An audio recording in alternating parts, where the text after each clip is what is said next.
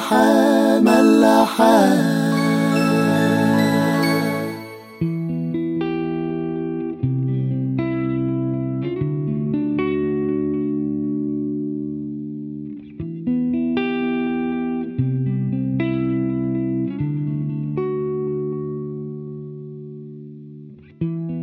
وكان في تلك الكورة رعاة متبدين يحرسون حراسات الليل على رعيتهم.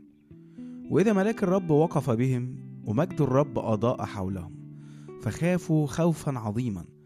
فقال لهم الملاك لا تخافوا فها أنا أبشركم بفرح عظيم يكون لجميع الشعب. أنه ولد لكم اليوم في مدينة داود مخلص هو المسيح الرب.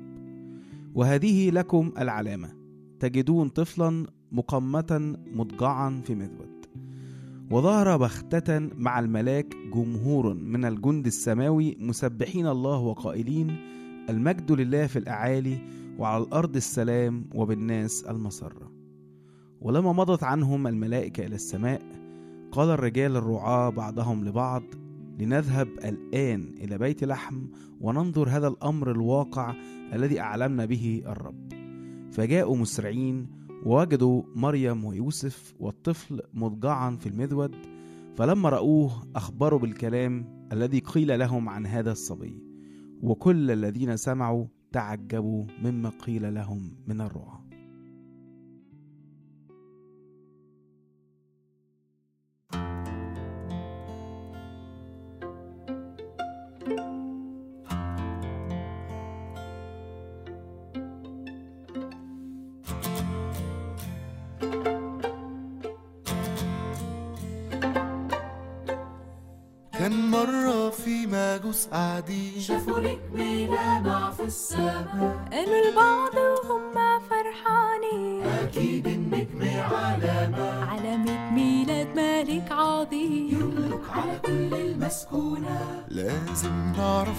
مكانه فين نروح نديله الهدايا. كان الملك هو يسوع في مزود بيت لحم موضوع ملك الملوك. الرب يسوع. وفي نفس الوقت كان الرعاة. قاعدين يتدفوا من السقعة ظهر لهم ملك عظيم. بشرهم بخبر. اليوم مخلص هو. يسوع المسيح. يلا بينا نروح المسيح عشان الأرض نستقبله بالتسبيح كل هو أنت على يدي وأنت تستريح كان مرة في مجوس قاعدين. لامع في السماء قالوا لبعض وهم فرحانين. أكيد النجم علامة علامة ميلاد ملك عظيم. لازم نعرف هو فين. يسوع ملك الملوك. الطفل يسوع الرب يسوع. وفي نفس الوقت كان الرعاة. قاعدين يتدفوا من السقعة قد ولد اليوم مخلص هو يسوع يسوع المسيح. يلا بينا نروح المسيح. عشان يسوع الأرض المسيح. بيسلموا كل حاجة محدش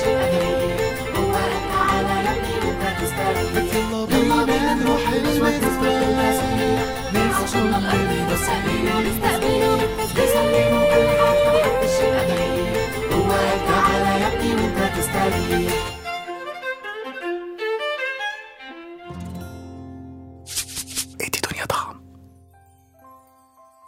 صباح الخير واهلا بيكم في حلقة جديدة من الحلقات بتاعة الكريسماس سبيشال كنا اتكلمنا الأسبوع اللي فات عن بشاير الفرح سحابة إيليا ونجم المجوس.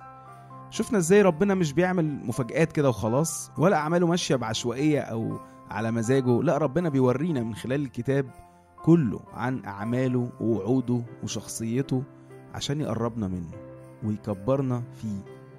عشان ما نبقاش عايشين كده مفصولين عنه هنا في اللالا لاند وهو في السماء بيعمل اللي هو عايزه. إنما متصلين بيه من خلال الكتاب ومن خلال إرشاد الروح القدس. وده اللي جاوبنا على سؤال يمكن مش كتير هنسأله. هو ليه ربنا بشر الرعاة؟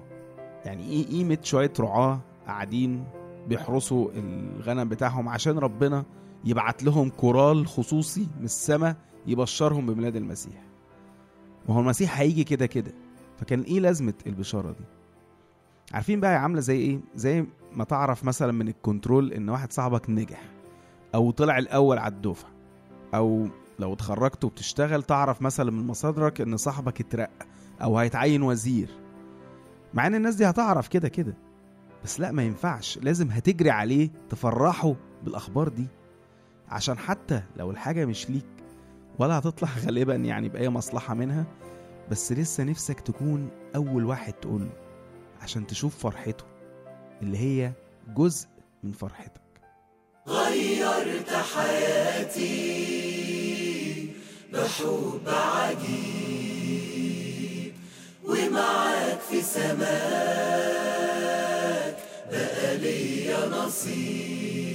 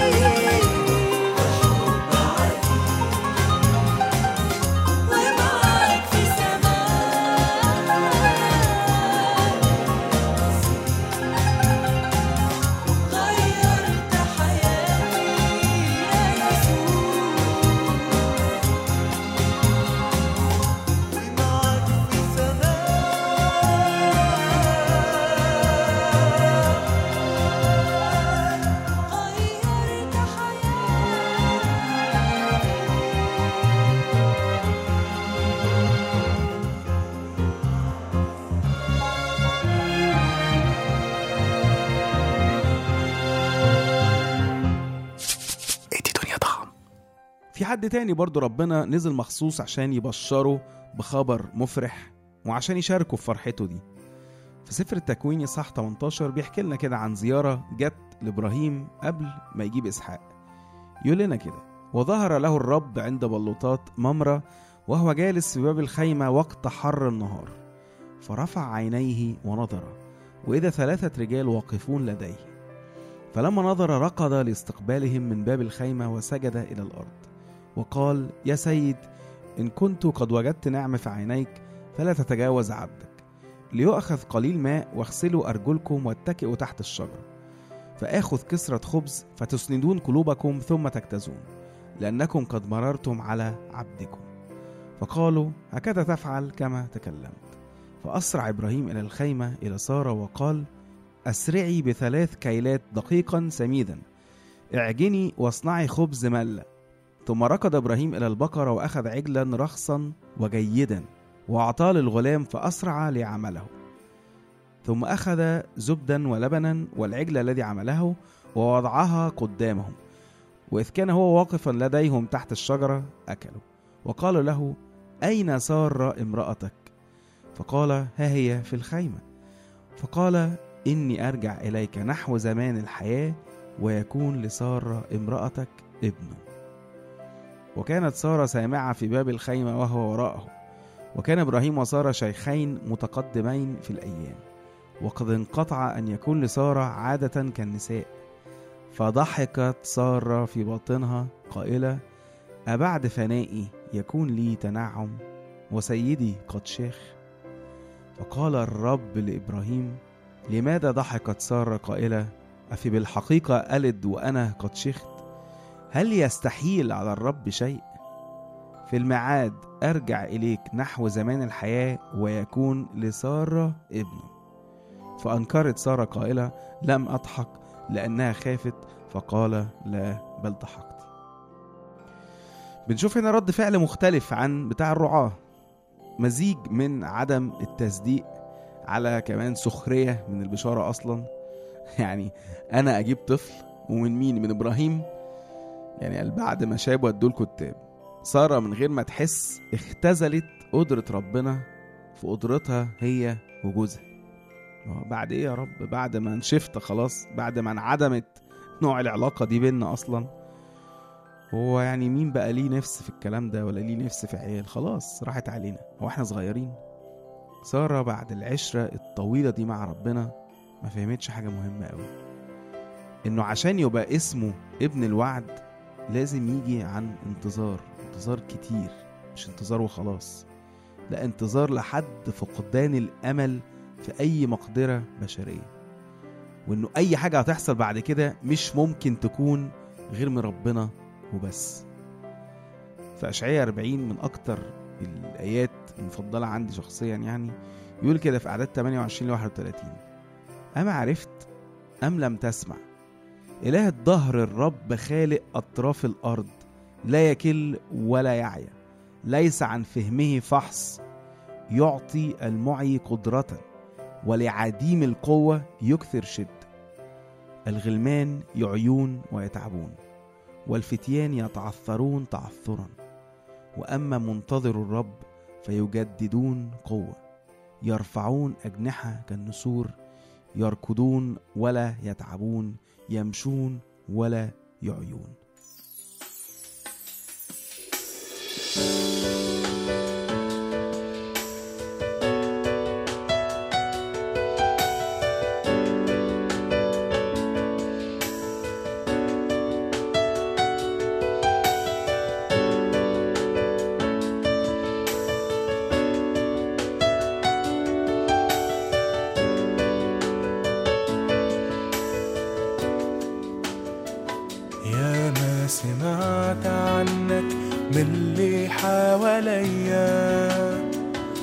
واديتك ظهري وكأن الكلام مش ليا.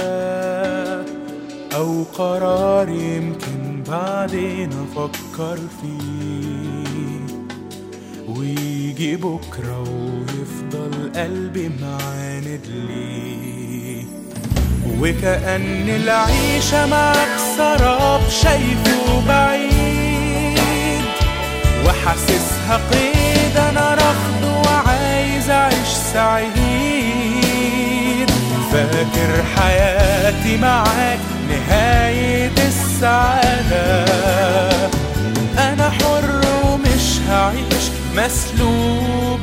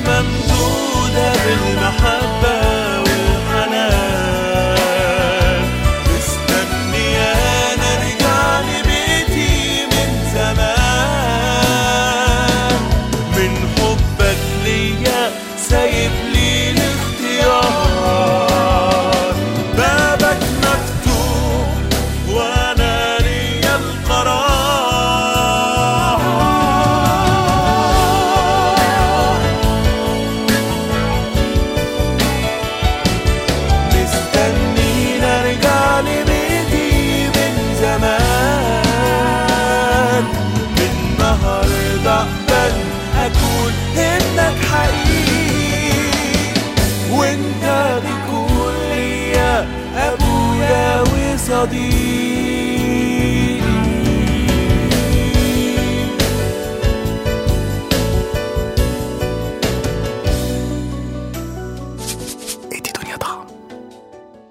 للأسف مش بس سارة اللي بتضحك لما تسمع الكلام ده كلنا بنقع وبنضحك برضه. وعود مالية الكتاب متقالة لكل واحد فينا بنشوفها ونضحك. بشاير بتجيلنا كل يوم نسمعها ونضحك. أصل مجنون مين اللي يصدق إن ممكن الحال يتشقلب؟ في بيتي ولا في شغلي ولا في علاقتي ولا في بلدي كلها. في أي حاجة ماتت وشبعت موت ومبقاش في أي أمل إنها ممكن مش تقوم إن يكون ليها وجود أصلا تاني. هتقول لي طب ما أنا ما حدش وعدني بحاجة. أنا ولا إبراهيم وسارة ولا موسى ولا يوسف ولا إيليا ولا أي حد من عالم الكبارة دي. هقول لك اي واحدة بس. في متى 21 بعد معجزة التينة؟ التلاميذ راحوا المسيح قالوا له إزاي التينة يبست كده في ساعتها؟ فقال لهم كده في أعداد 21 و 22 الحق أقول لكم إن كان لكم إيمان ولا تشكون فلا تفعلون أمر التين فقط بل إن قلتم أيضا لهذا الجبل انتقل وانطرح في البحر فيكون وكل ما تطلبونه في الصلاة مؤمنين تنالونه. وعد مفتوح شيك على بياض إنك تطلب أي حاجة وهتحصل. بس يا ترى بقى لما تسمع الكلام ده هتآمن فعلا وتطلب اللي بتحلم بيه وتفضل تطلبه لحد ما يحصل ولا هتكمل ضحك؟ نشوفكم الحلقة الجاية.